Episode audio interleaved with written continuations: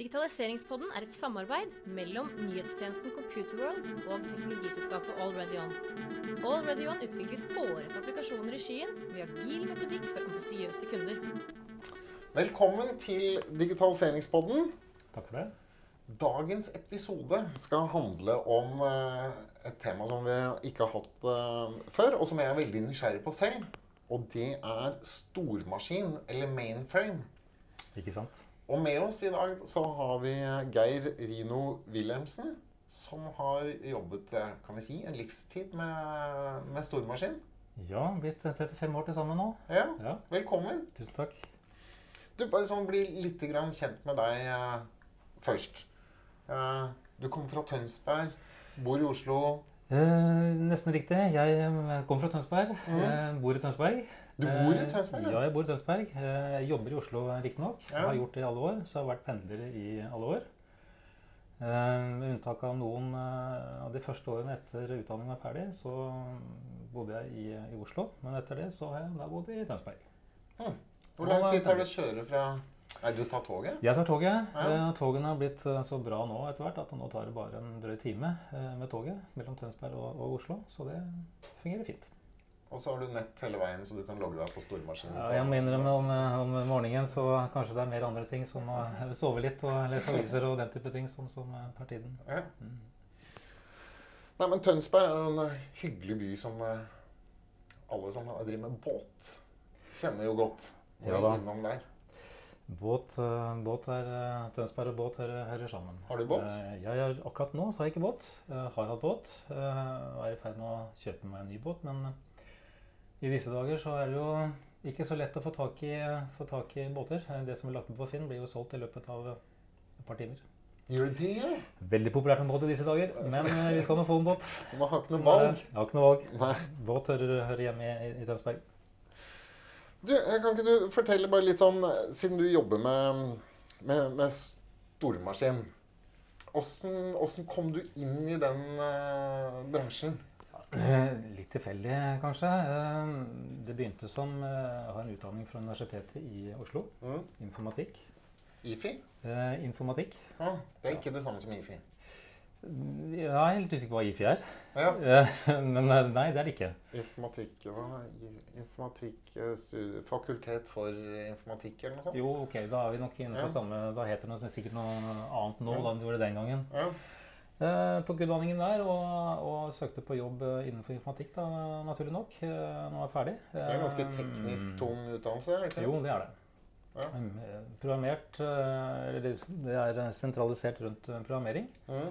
Eh, og litt eh, andre ting. Så, og den gangen så var det egentlig Da var det kun stormaskinen som, som, eh, som var på markedet av datamaskiner. Ja. Så, eh, så sånn sett så, så starta det. Ikke lenge etter at jeg begynte å jobbe med, med Men når var det du gikk ut fra Jeg gikk ut i 1985, blir det vel. Ok, ja. Så ja. Og da hadde ikke PC-en kommet? Ja, det var på vei. Nesten. Det var på vei. Ja. Eh, Så det var mange i den tiden som da PC-er var der, det også. Mm. eh, Men ikke så mye på, på, på, på som firmaer brukte til, til produksjonslast. Nei. Men det kom. Ja. Så når jeg startet, så, så var det fort vekk at også disse distribuerte serverne også kom inn og skal vi si, var en konkurrent til stormaskinen. da. Men ja. Ja, hva legger du i distribuert server? Eh, Distribuert, eh, det er rett og slett bare en, en tradisjonell begrep på det som ikke er mainframe, er distribuert. Altså servere som, som er plassert i forskjellige steder eh, rundt omkring i datahaller osv. blir gjerne distribuert i forhold til en stormaskin som er en sentralisert og konsolidert uh, infrastruktur. Ja. Så enkelt. Jo, og så begynte du å jobbe Så begynte jeg å jobbe eh, med stormaskin i et, eh, et datafirma som ble eid av eh, forsikringsselskap. mm. Så, der, så de hadde sin egen stormaskin. Um, og jobbet der i um, 15 år, var det vel, før det firmaet ble outsourcet til en outsourcingsfirma. mm.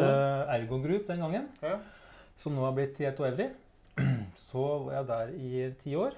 Uh, og hadde en rolle uh, både i dette forsikringseide selskapet og i Ergo Group. Uh, der hadde jeg en rolle som systemprogrammerer. Det man gjør da, det er å installere operativsystem. Sentral software tilrettelegger eh, dette for eh, kundene. Eh, Vi snakker om software som, eh, som eh, sikkerhetssystem, overvåkingssystem, eh, rapporteringssystem, monitorering, programmeringsspråk og den type ting. Få dette installert til stormaskinen, eh, tilrettelagt for kundene, slik at kundene kan bruke dette på best mulig måte i en stormaskin. Men var det diskett, eller? Det var ikke diskett. Åssen hadde OS-et til Det kom på kassetter. Gjorde det? Kassetter den gangen. Så Ikke sånne som du hadde musikk på? Nei, det var noen egne Da var vi innom eh, lagringsløsningene på en stormaskin. Mm. Eh, og da var det kassetter, og også teiper. da, De store. Jeg vet ikke om du har sett sånne Jo, de rullene. De rullene som Ja. man liksom ser IT på film, som skal vise IT på film, så ser man ofte sånne store ruller som går i bakgrunnen. Mm. Det var faktisk den gangen som, som også software ble levert på. Var det mye kapasitet med sånne rull? For, for mange terabyte inn på? Eller? Sikkert. Det husker jeg ikke nå. Nei? Det er eh, mye, ja, men det er mye mer i dag. I dag er det jo eh, basert på eh, virtuelle tape-miljøer. så fremdeles så eksisterer, kall det dette, kassettbegrepet. Mm. Man har jo, man har jo for å aksessere eksternt media, så, så, så, så er fremdeles kassettbegrepet et, et levende uttrykk. Og, men nå er det virtualisert alt sammen. Nå er det på en måte, nå er det bare, nå går det eh, på minne og, og internt eh, lagringsmedia istedenfor for fysiske kassetter. Ja. Mm. Så det var installasjon av OS. Ja. Lang, du må, jeg må bare spørre, for jeg må sammenligne litt med Windows. Alle, Ja. alle, har veldig mange har jo prøvd å installere Windows fra en tom hard, eh, harddisk, og så putte inn en DVD, og så få, få det installert. Og det tar jo ca. halvtimes tid. Hvor lang tid tar det tar det med en stormaskin? Hvis det er en stormaskin, så må det jo ta mye lengre tid. For den Ja, er jo det er selve det. Og her er det, det er to ting. Det ene er altså selve det å legge inn et operativsystem. Mm. Det tar ikke så lang tid. Kall det en, en eh, det å legge det inn og få testet og få det opp i et testsystem, det tar ikke lang tid. Det tar kall det en dag, da. Mm. Det er en kort tid i, i den sammenhengen her. Ja. Men eh, så er det veldig mye som skal bruke en, en, en stormaskin. Og det må jo gjerne eh, testes på at det fungerer sammen stormaskinen. Operativsystemet skal testes. Mm. Og det er veldig strenge og, og strikte og, og gode rutiner for å teste og verifisere at det faktisk det som går på en stormaskin, fungerer slik det skal. Ja, vi skal jo snakke litt om hardware litt Ikke senere. sant? Ikke sant? Og da tror jeg vi kommer innom eh, Ja. kompleksiteten Ja, der. så Selve det å installere tar ikke lang tid, men det å legge på alt det på toppen Mm. for å se at det funker, det tar lengst tid. Så selve OS er en ganske tynt, liten del av totalen. Ja, det kan du si. Ja, det er det jo på, sikkert på en Windows-maskin også. Ja. Eller er det jo. Det er ganske mye de har stappet inn i Ja, den, som så, men, kanskje ikke har bruk for. det, det, er mye, det er mye software som ligger i et operativsystem, men, men selve det for installert, det, det, det, det er ikke så mye. Etter Ergo Etter Ergo så begynte jeg i eh, IBM. ja.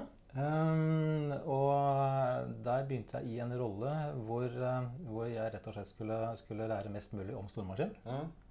Sendt rundt på forskjellige kurs i, i, i verden. Lære mest mulig om stormaskin. Eh, reise hjem og forsøke å forklare de norske kundene eh, hva som var nytt og fint med, med stormaskin som nå kommer. Og få de til å kjøpe eh, og investere i, i, i nytt uh, stormaskinsløsning. da. Hørte du til på Mastemyr, da? eller? Ja, på Mastemyr, ja. har Det jeg vært. stemmer. Ikke sant. De er der ennå? Nei, Eller har de flytta? nå har de flytta.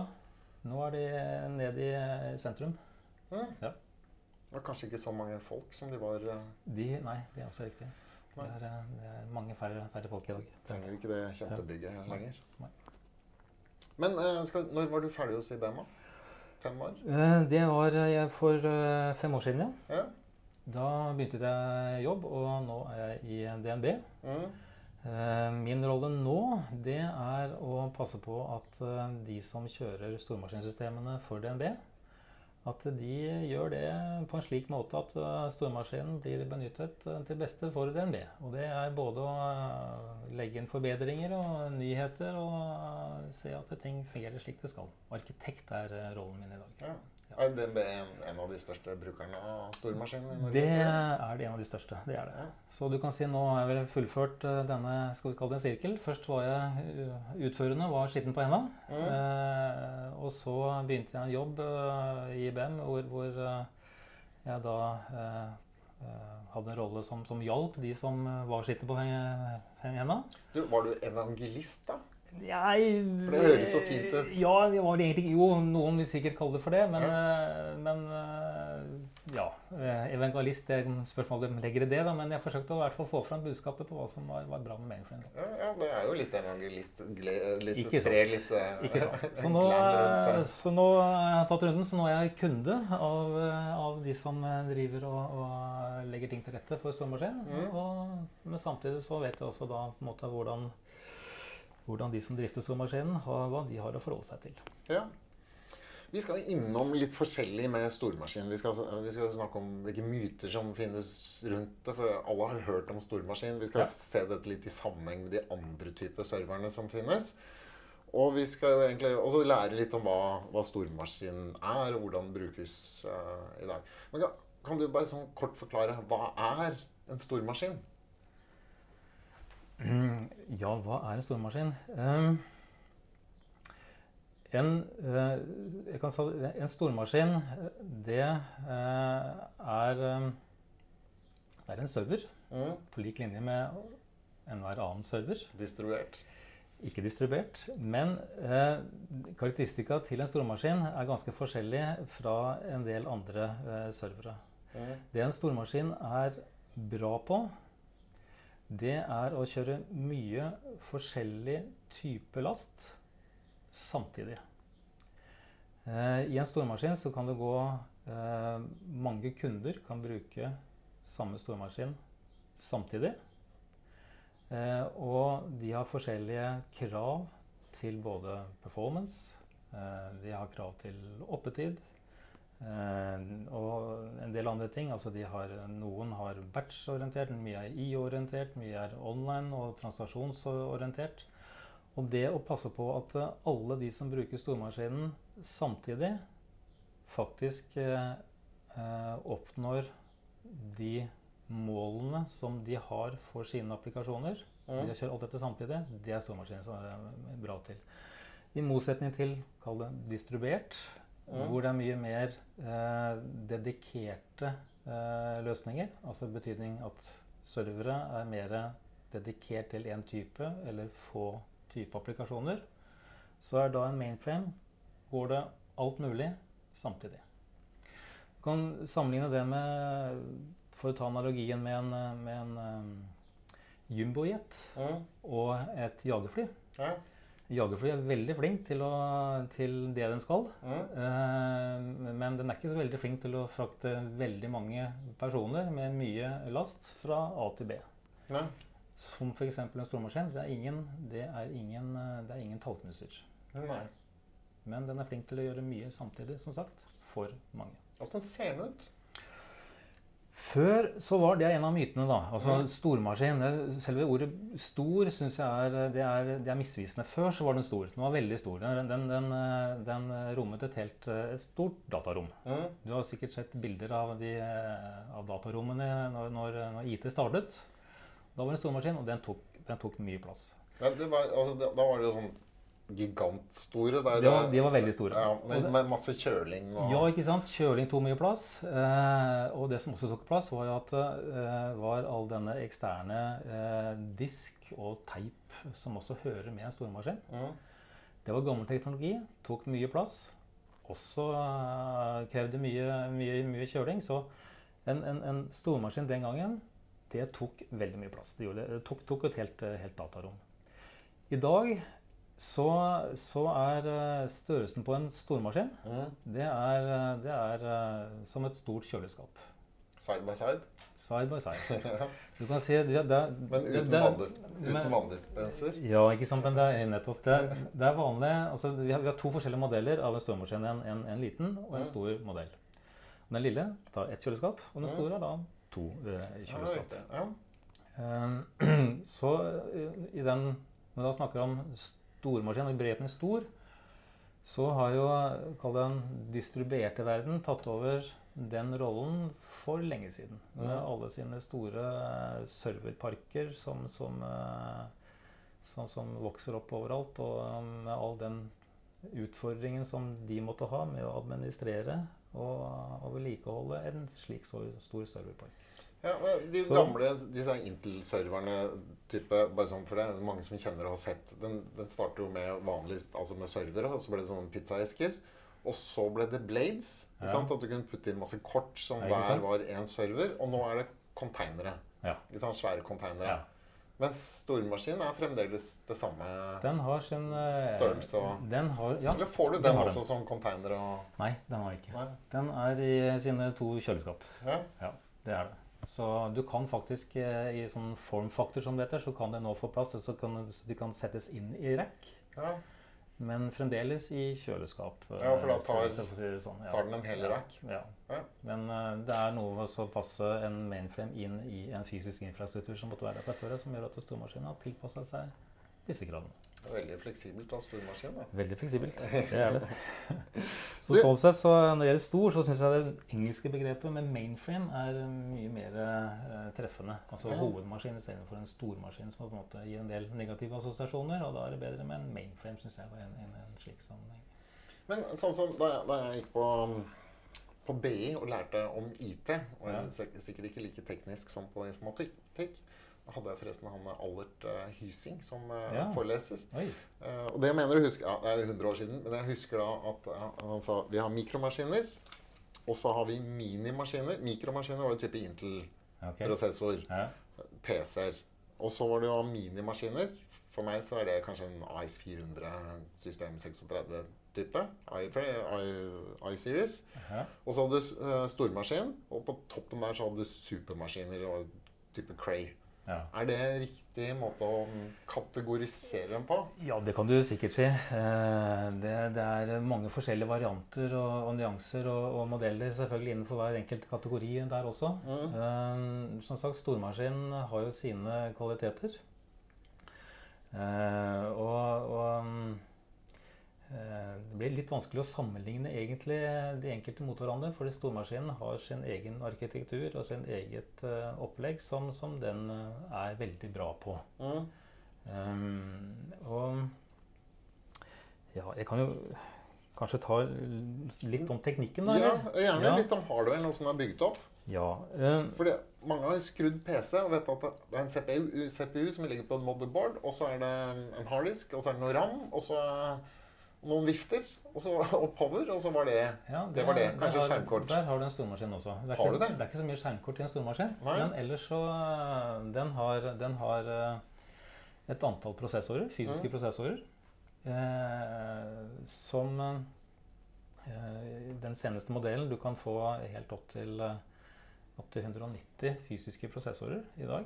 Eh, og så er det det 190. 190 fysiske prosessorer i samme fysiske maskin. Det kan du få i dag. Og hvis vi bare sammenligner det til en, en si, vanlig server, da. Eh, Ja, hvor mange får du der? Fire? 30? ja noe sånt noe. Det, det, er også mange forskjellige modeller Mm. der. Jeg vet Du også kan få opp mot 64 cores, som de snakker om osv. Men nå begynner vi å snakke om teknologi, og når vi da snakker om mange... Men det er vesentlig mange flere prosessorer Det er flere. enn stormaskin. Men så er, det da, så er det da hvordan disse da blir utnyttet Mm. på, eh, på en stormaskin i forhold til, i forhold til eh, distribuerte eh, servere. Mm. Um, så vi, det er et antall servere, fysiske servere som ligger, ligger til grunn, som på en måte supporterer Uh, hele stormaskinsmiljøet. Um, så de er da delt. Um, I en stormaskin så er det et virtuelt miljø. Altså virtualisering, det gjør alle i dag. For det er ingen som kjører i gang en stormaskin og så bare bruker den på, på én instans. Det gjør ingen i dag. Nei. Eh, det var det helt i starten. Mm. Eh, men det tok ikke så mange årene før det ble et virtualisert miljø, så stormaskinen var vel de første som begynte med virtualisering. Det som er bra med stormaskinens virtualisering, altså med virtualiseringen, det man da oppnår Man oppnår såkalte logiske partisjoner. I en logisk partisjon går det ett én maskin. Altså en logisk, det er en logisk maskin Ja. med sitt operativsystem og alle sine applikasjoner i én logisk maskin. Eh, DNB har et visst antall logiske maskiner. Eh, Noen til produksjon, noen til test og noen til utvikling. I samme fysiske maskin så går det andre logiske eh, maskiner som, hvor det går andre kunder av vår driftspartner. Mm. Og alle disse deler det underliggende infrastrukturen. altså Sånn er det med virtualisering. Man må dele noe. Man deler de fysiske prosessorene. Eh, Men det som er ganske unikt med virtualiseringen til en, en, en mainframe, det er at hele den virtualiseringen den ligger innbakt i hardware.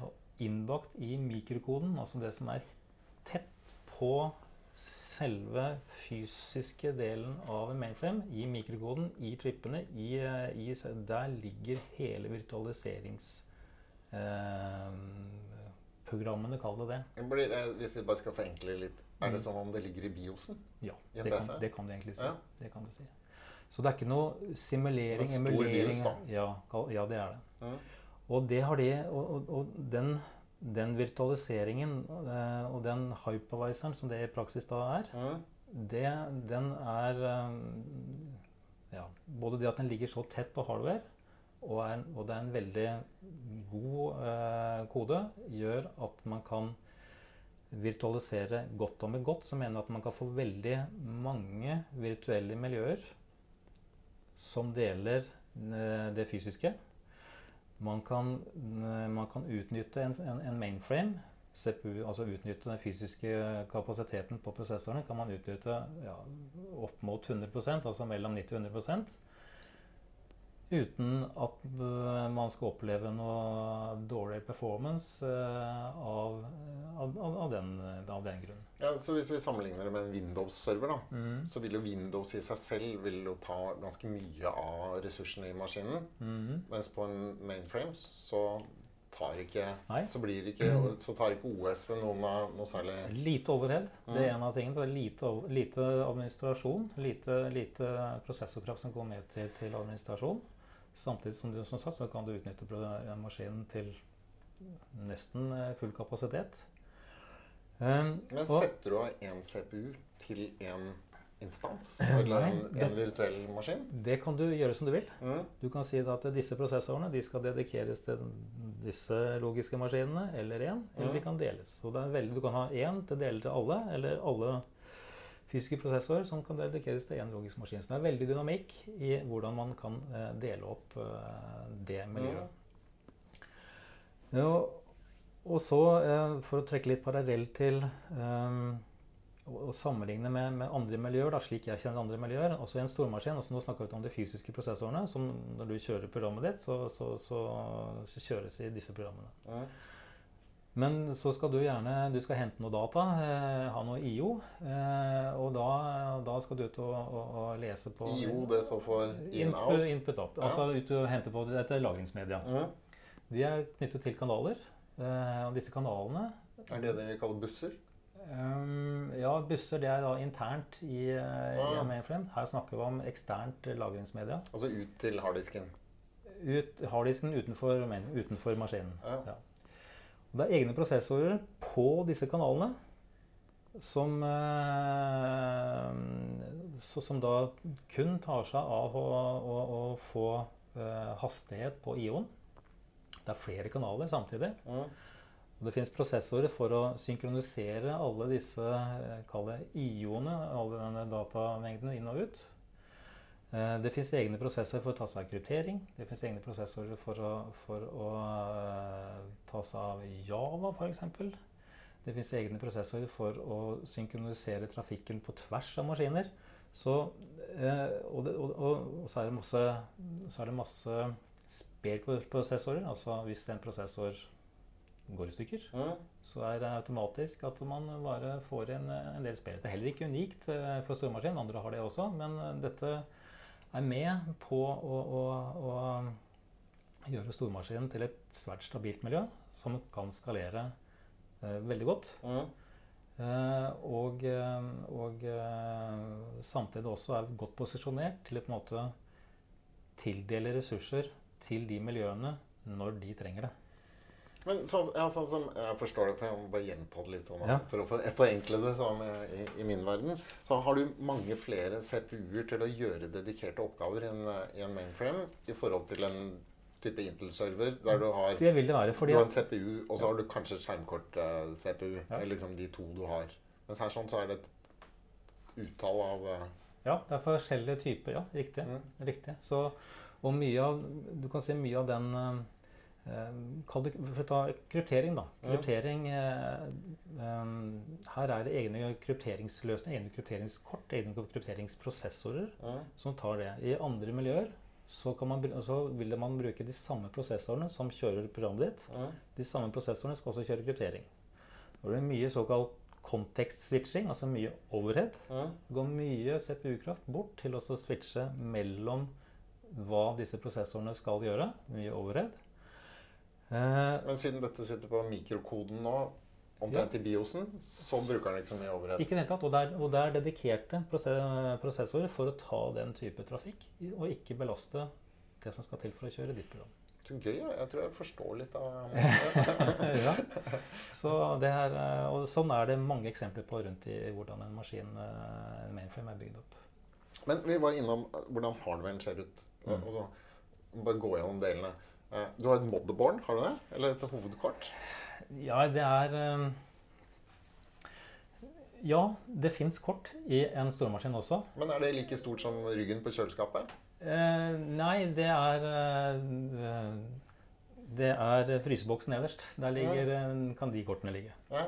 Så i, en, i et kjøleskap så har du noen del er, er lagt av til, til ja, prosessorene, hvor også disse ja, Kall det motherboardene, hvor, hvor de er installert. For dem er det flere av. dem er det flere av. Mm. Og det som også er fint med, med disse kall det motherboardene, da, det er at man kan, eh, man kan ta de ut. Eh, det altså, man kan ta ut en, og så vil det automatisk eh, load flyttes over til de motherboardene, kall det det, som på en måte være igjen i en mainframe. Det kan du gjøre i fart. Kan du gjøre fort. Uten at det gnistrer. Uten at det gnistrer. Så jeg, forstår, det er- en del med analogien her og sammenhengene som, som har noen logiske brister, men, men, men poenget er at eh, slik en mainframe er lagt opp til, når det gjelder også dette eh, hard på hardware-nivå, selve på en måte disse prosessorene, hvordan de er bygd opp i de forskjellige kalde kort, og hvordan de er eh, rammet inn, og hvor de på en måte er satt sammen i disse kjøleskapene, Mm. gjør at de kan drive vedlikehold og oppdateringer uten at stormaskinen går ned. Og det er også en av de tradisjonelle verdiene til en stormaskin. Mm. Den, den har svært liten nedetid. Ja, du, du snakket om um, 7-9-tall. 7-9-tall, Ja. det er 99,9999 prosent i snitt eh, nedetid eh, per år. Mm. Jeg tror jeg regner på det. Jeg tror det kom til ca. fem minutter eh, per år. Som eh, Dette var en undersøkelse i fjor, tror jeg det var. Mm. Eh, hvor eh, man da så på ok, hva har erfaringen vært med alle mainframe-kundene som de da undersøkte. Og da tok de et snitt, og da var det vært eh, nede i ca. i snitt i fem minutter per år. Da, Men de fem minuttene, Ja. hva, hva skjedde i de fem minuttene? Hvorfor Var, var det planlagt nedtid i så sånn. fall? Nei, det er ikke planlagt. Da, da har det skjedd et eller annet. Så, så hva det et eller annet er, det, det vet jeg ikke. En typisk ting som kan skje, som kan ta rotta på en mainframe. Det kan være så enkelt som strømbrudd, faktisk. Ja. Eh, når strømmen går, så, så, kan det, så er det selvfølgelig det er UPS-anlegg og det er eh, sånne såkalte dieselaggregat og Ja. den type ting som kan ta det. Men erfaringen har vært at det har vært en del eh, eh, feil eh, i forbindelse med strømbrudd. Mm. Eh, Og så har ikke backup-strømsystemene funket, da, eller? ja, Mm. den type ting. Og så selvfølgelig, jeg skal- vi skal ikke skryte på oss eh, for mye. Det hender at det skjer noe feil eh, internt på mikrokodenivå. Det hender det skjer situasjoner som en stormaskin ikke er forberedt på. Så, Ja. og da, da går den også ned. Så, sånn er det bare. Men fem minutter per år, da. Det er ikke mye. Ja. Du, um, nå har vi gått gjennom litt uh, hardware og hvordan den ser ut, og IO-kanaler. Eh, men eh, når, hver gang man snakker om, eh, om stormaskin, så kommer man innom eh, at eh, de har et utviklingsspråk som heter COBOL. Ja, Som er fra forrige årtusen. ikke sant? Jeg, jeg tror jeg har hørt om det. Ja. Altså, jeg vet ikke når det, Hva kom det på 60-tallet? 70-tallet? 50-tallet? Jo, Det det, er ganske gammel. det er uh, ganske gammel. Uh, og det kom nok når eh, Det kom nok på 60-tallet. Ja. Det kom nok, eh, tror jeg. Eh, Jeg har ikke helt hatt noe for det, men, eh, men det var ikke lenge etter at stormaskinen eh, ble født, før også Gobol ble født. Så det er Eh. 60 år gammel kode. Ja, det er, om det er, det er, gammelt, ja. Um, og Men når, du sier, når jeg sier 60 år gammelt og 60-tallet, det er ikke samme versjon. Det det er det ikke. nei. Og det er Og det er kanskje litt av dynamikken jeg har lyst til å snakke om. for det. Ja. Vi snakker jo om stormaskin som noe ildgammelt. Ja. Og det er, jeg, jeg, hver gang jeg hører stormaskin, så tenker jeg å ja, det var noe de installerte på 60-tallet. Og så har det ikke skjedd noen ting. Ikke sant. Og det er Og da er vi innom Koba-program, annet. Mm, Eh, man sier ofte at det der er det såkalte legacy-programmer. mm. Eller legacy systems. Ja, det vil si at du sliter med, med gammel teknologi eller gamle Ja, og da tenker man på gammel teknologi. Det er det ikke. Det er gammel kode. mm, Og det er på en måte stormaskinens både, både en fordel og ulempe. Altså når, hver gang det kommer en ny stormaskinversjon, så har man alltid gjort det slik at de programmene som går, som går der, de skal være, eh, det skal være backward compatible. Altså du skal kunne kjøre et Cobol-program fra 1960-tallet. Det på en ny maskin. det skal kunne gå på en ny maskin i dag.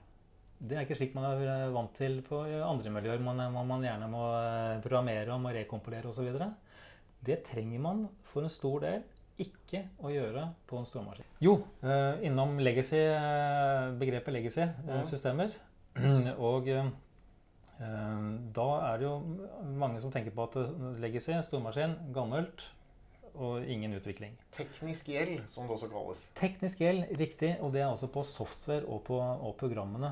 Fordi eh, på stormaskinen så har man ikke hatt eh, behov for, det har ikke vært nødvendig å, å programmere om, rekompilere eh, Cobol-programmer som er fra 1960-tallet, selv om man installerer en hypermodern mainframe i dag. Så det er eh, de fleste, alle stormaskinskunder, som har eh, De har Cobol-programmer, eh, gamle Cobol-programmer som fremdeles går, som de ikke har gjort noe med. Og det er på en måte Det, er, det kan være bra, og det kan være dårlig. Eh, Det som er bra, er at de slipper jobben, risikoen osv. med faktisk å programmere om eh, disse programmene. Eh, Det som er dårlig, da, det er det som da vi blir da konfrontert med eh, fra andre, at det er gammelt. Mhm. Altså det skjer ikke noe nytt. Ja. Men det er ikke sikkert det er behov for å gjøre noe nytt på det. Det, var eh, disse programmene som de har sin funksjon i dag. Altså de, de, har en, de har sin plass i disse applikasjonene fremdeles. Ja, men hvis, hvis vi skal være litt kritisk da, mot, Ja.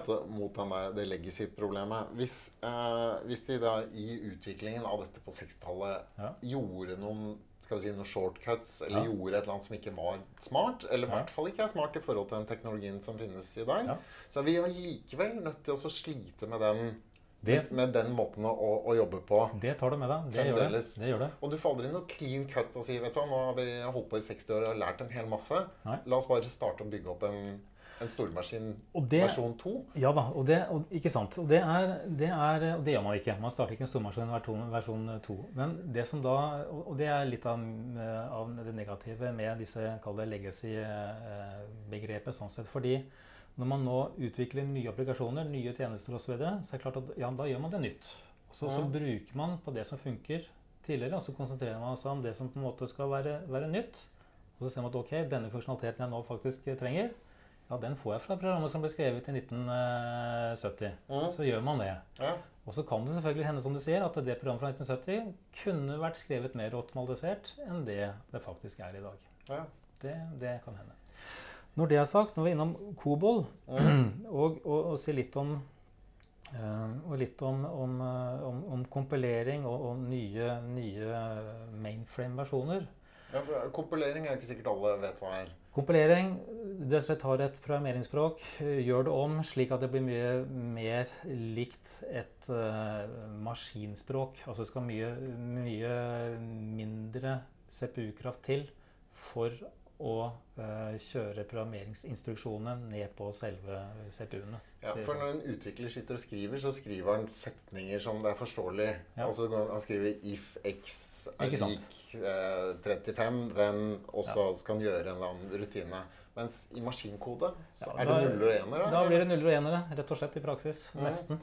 Nesten. Ja. Eller? Altså det, det er jo, I praksis så, så blir det det. Det blir en, blir en egen eh, Eller en heks? Eh, nei, det, ja, heks det er jo også ener og nullere, på en måte, Ja, som, vi, vi, som vi greier å, å lese. på en måte.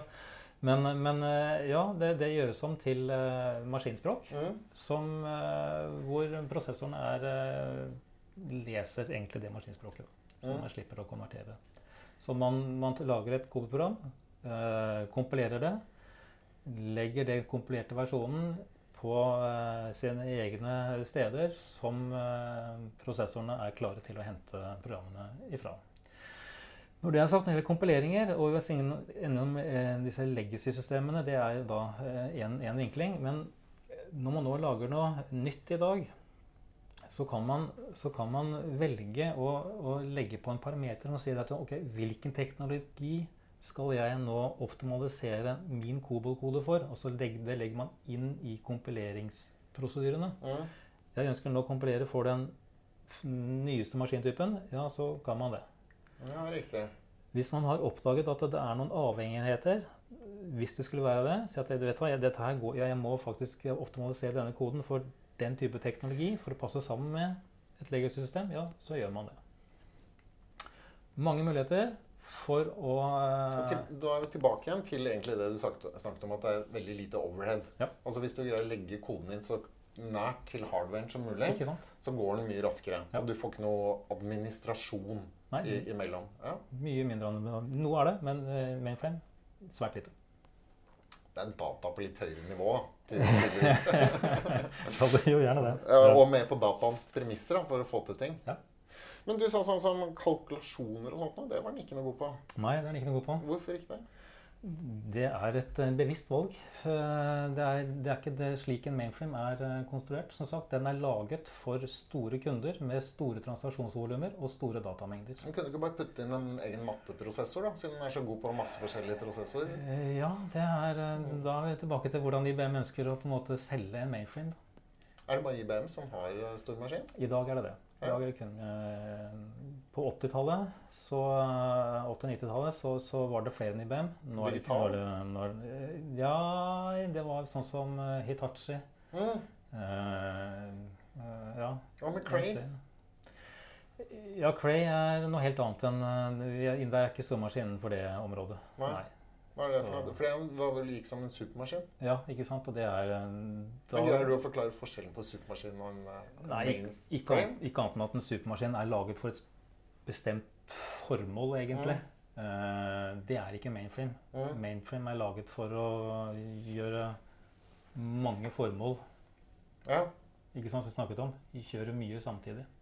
Så å være spisset mot ekte multitasking. det er ekte multitasking. Ja. Det er det. Og det gjør ikke en supermaskin, for den driver bare med én ting. Ja, nå er det sikkert mange som kan, eh, kan begynne å diskutere det, men ja, i utgangspunktet, sånn generelt, så, så oppfatter jeg at en supermaskin er være, være rettet mot en bestemt oppgave. Men når det er veldig Hvor mange er det som bruker ett kjøleskap? Eller hvor mange maskiner er det som går, eller virtuelle maskiner er det som går samtidig på, på én hardware-boks? ja, her er det Når vi da snakker om disse eh, logiske eh, disse maskinene nå, der er det Vi kan ha eh, det, er, noen begrensninger. I Norge så er det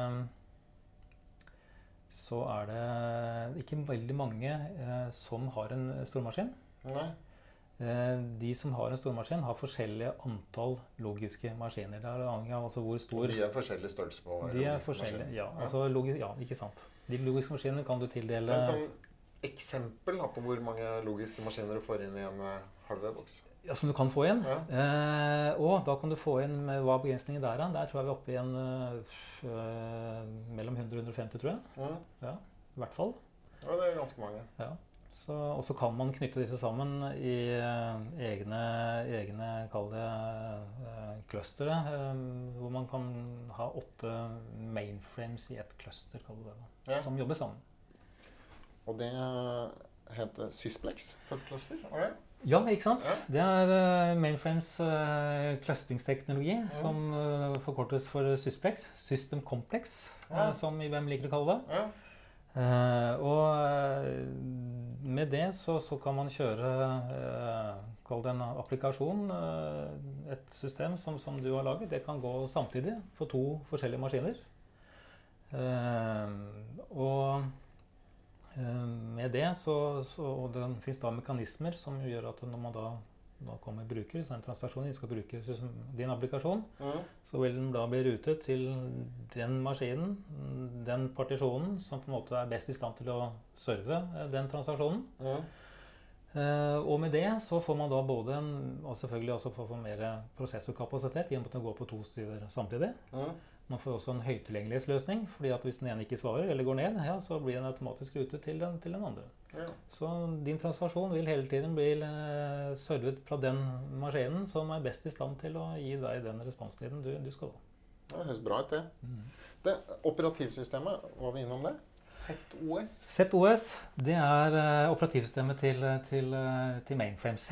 Det er da eh, eh, den teknologien eh, Altså man har forskjellige eh, brands i IBM. Mm. Z er da er lik stormaskin. Mm. Z står for zero downtime. Eh, og da ZOS. Mm. Og så er det en Z-series som heter da eh, maskinene det til, til, til, mainframe. Så alle, eh, alle mainframes begynner med Z. Med Altså, Z, ja. ja. Og ZOS um, ligner det litt på Unix, eller? eh, Nei, det- helt, ja. Det er noe helt annet. Men det er ikke det samme som den mikrokoden som Nei, du snakket om? det er det ikke. Nei, for den ligger oppå mikrokoden igjen. Mikrokoden ja, den ligger mellom operativsystemet og hardware. ja.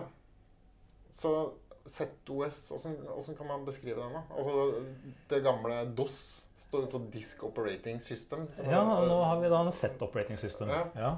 Så der var det et operativsystem som, som, eh, som man kjører eh, alle applikasjonene sine innunder, rett og slett. Eh, og ZOS er et proprietært mainframe-operativsystem. Mm. Det går ikke noe annet sted. Nei. Nei. Men oppå der igjen så kan man legge opp f.eks. en Linux-server. Ja, og det med Linux, det, det er spennende. Mm. Um, fordi det med ZOS, det er én logisk maskin. Og det som gjør at vi får logiske maskiner, det er denne hypervisoren i bunn, altså virtualiseringsmekanisme, som gjør en ZOS-maskin. Mm. Så kan man også lage en Linux-maskin. Eh, Med sin egen, kall det en, en, en virtualiseringsmekanisme, som, eh, som istedenfor ZOS, så har man da en virtualiseringsmekanisme som, som ligger i bunn der. Og på toppen av det så kan man da ha eh, Linux virtuelle maskiner.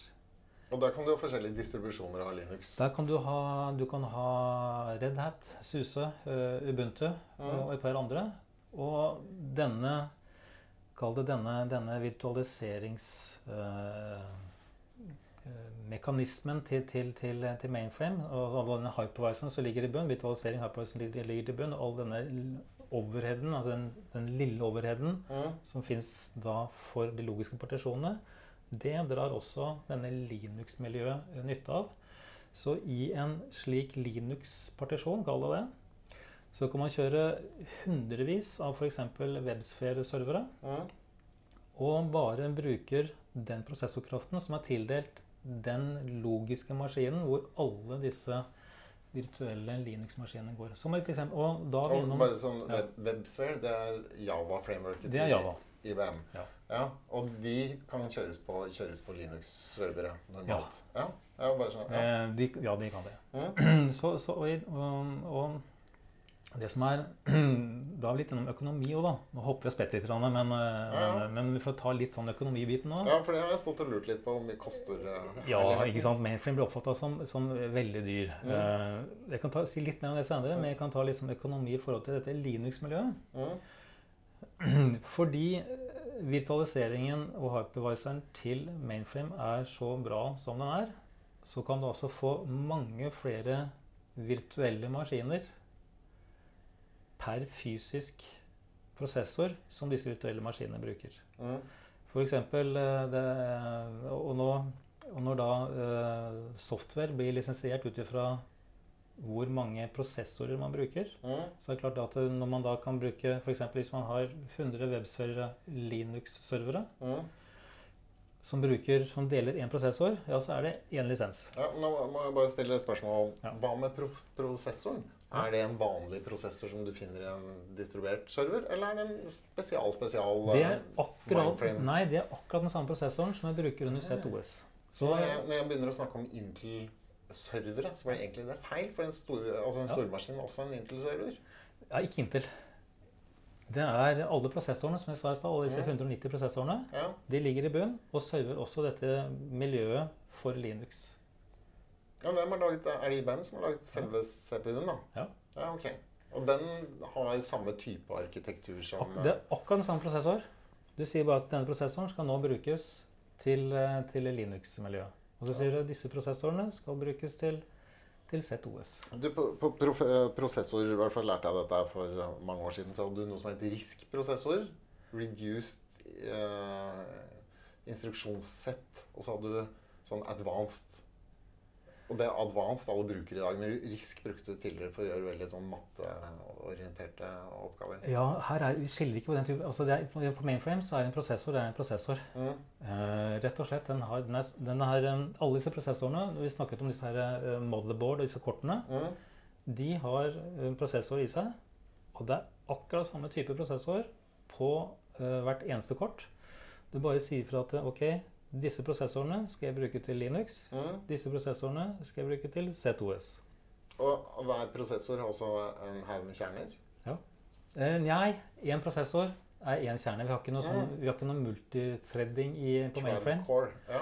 Det er ikke på mainframe. Nei. Man trenger ikke det, for å si det sånn. Eh, og det har noe med eh, Man har begynt å se på det også, med å kjøre to tråder per core innenfor Linux-miljøet, faktisk. Mm.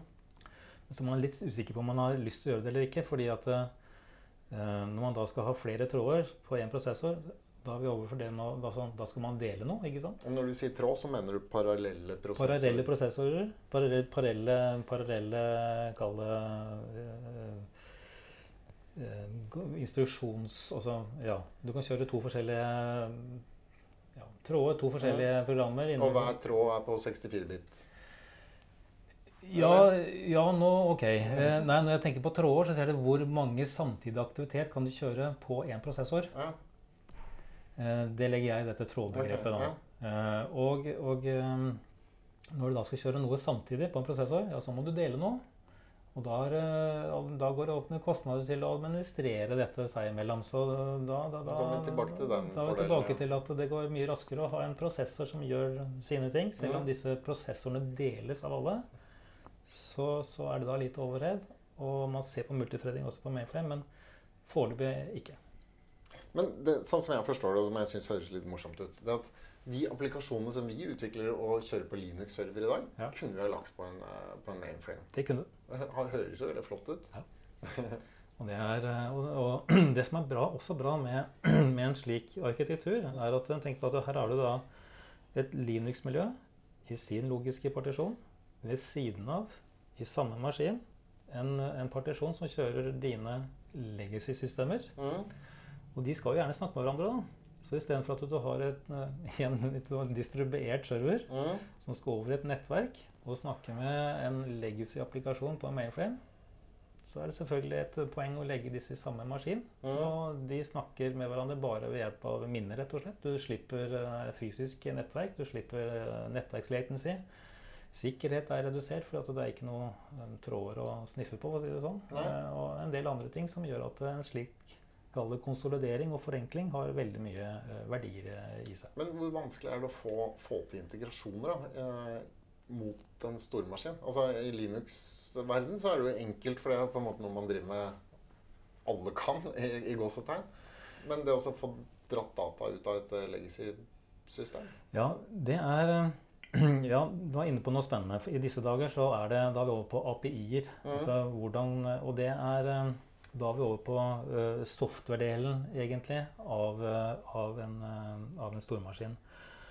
Og, eh, og API-er jobbes det mye med i disse dager. Det er jo forskjellige krav og, og, og fra myndigheter som gjør at det, vi skal eh, gjøre systemene tilgjengelig mm. uh, osv. Så, videre. så der er det uh, API, og det jobbes det eh, både med i DNB.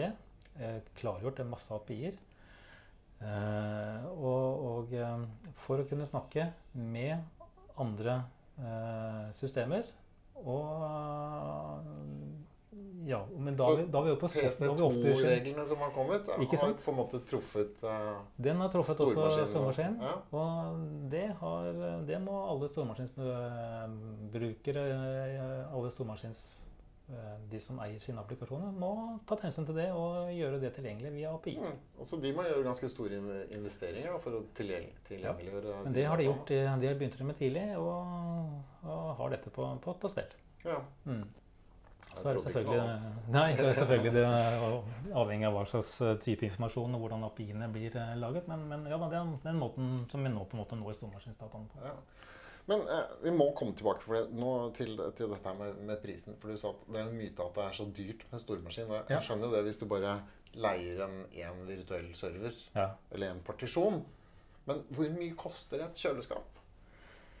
ja, ikke sant. Um, Men sånn at vi har en sånn forståelse av det, hvis jeg skulle finne på å har kjøpe en stormaskin. Ja, for den, eh, en stormaskin eh, Du kan få Jeg var litt inne på det tidligere. eh, Den siste modellen modellen med en stormaskin kan du få i mange forskjellige varianter i, i størrelser. Du kan få den i eh, nesten 300 forskjellige størrelser. Helt fra mellom 200-300 vips i størrelse opp til over 18 000 MIPS i, i størrelse. er. Men bare sånn prisskala, Så- cirka da, er- koster det en million for en sånn boks? Eller ti Ja, millioner? du må nok eh, Ikke sant? Og da Én ting er eh, en ting er hva selve maskinen koster. Mm. En ting er det du skal, den softwaren du skal kjøre på, da, altså lisensieringen Ja. på toppen. Den er nok det som koster eh, Bidrar like mye, om, om ikke mer, i et eh, totalbilde. Mm.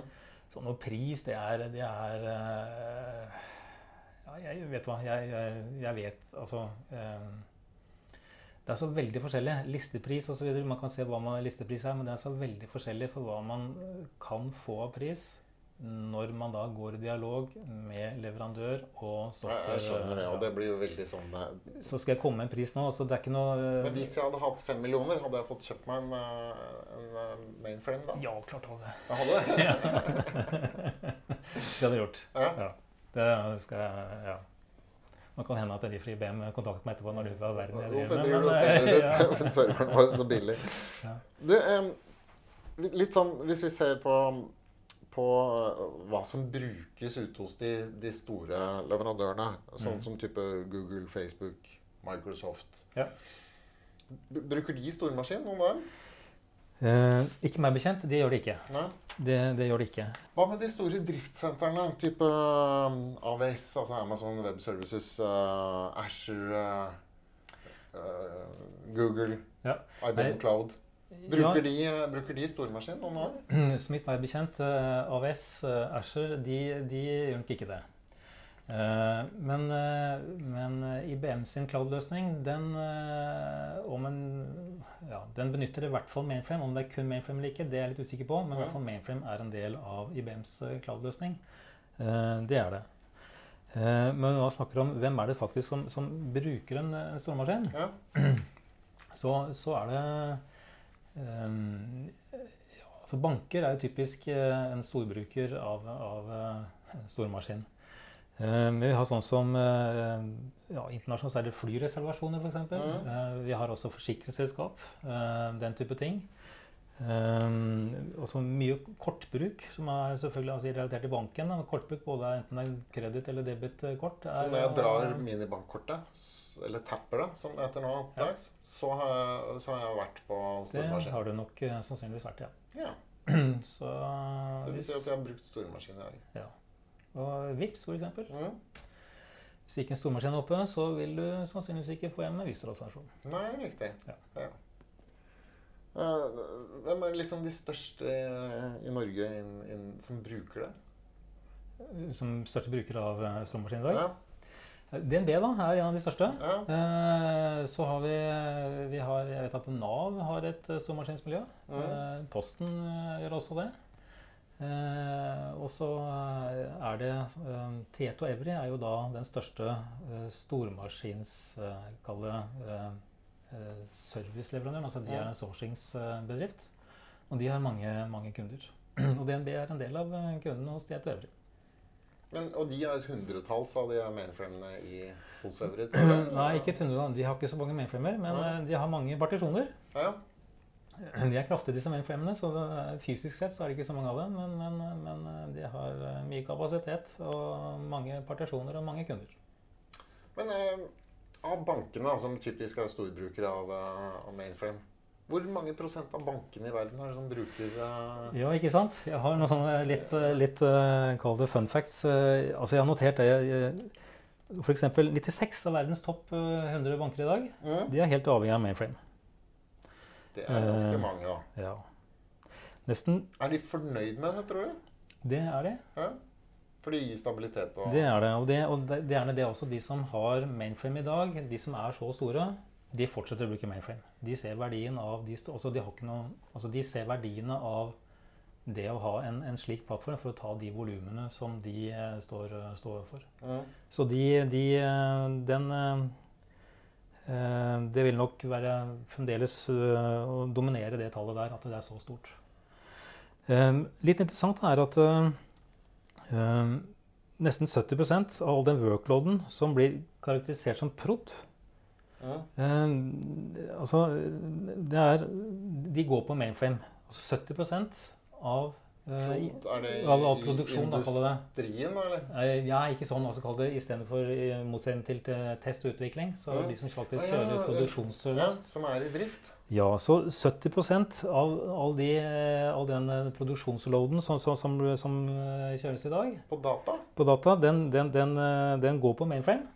Det er utrolig mye, da. Kun 6% av IT-kostnadene tar det, men de kjører 70% Slå den. Ja, og Dette her er en rapport jeg har fått Ja. fra en uavhengig konsulent, eh, uavhengig konsulentfirma, så, så det er ikke mine tall. Det er noe jeg har på en måte eh, kopiert eh, fra andre. Men det er, litt, ja, det er ganske overraskende. Ja, ikke sant?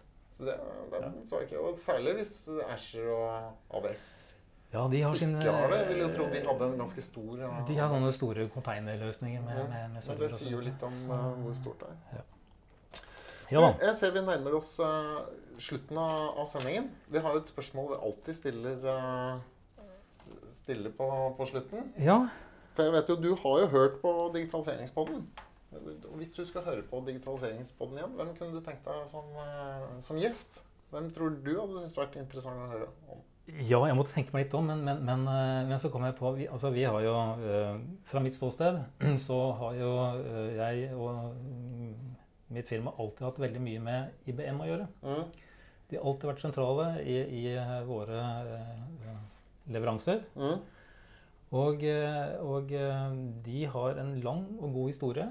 Eh, vært flinke på å finne gode, og, gode løsninger og være foroverlent. Og, og i det hele tatt fremstå som en veldig interessant firma. Som, som, og det er ikke uten grunn at de har overlevd så, så lenge.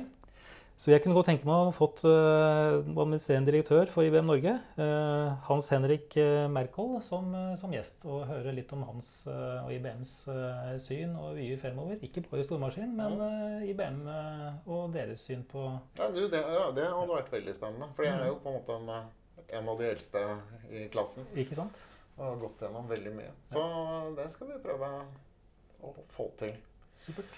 Bare sånn for å oppsummere litt. Vi har snakket eh, masse om stormaskin. Vi har lært masse om stormaskin og skjønt at eh, det store, viktige med, eh, med eh, stormaskin det er høy stabilitet. Du har eh, du har ikke stor, mye overhead, så du får value for the money Yep. når, du snakker om, eh, om maskin. Ikke sant? Eh, veldig mange av de mytene som vi har med at eh, alt er gammelt og støvete, stemmer ikke. For det er ny teknologi i de eh, mainframene som går i dag. Ypperste du får. Men de sitter igjen med legacy-problemet. De gjør for så vidt alle eh, systemer.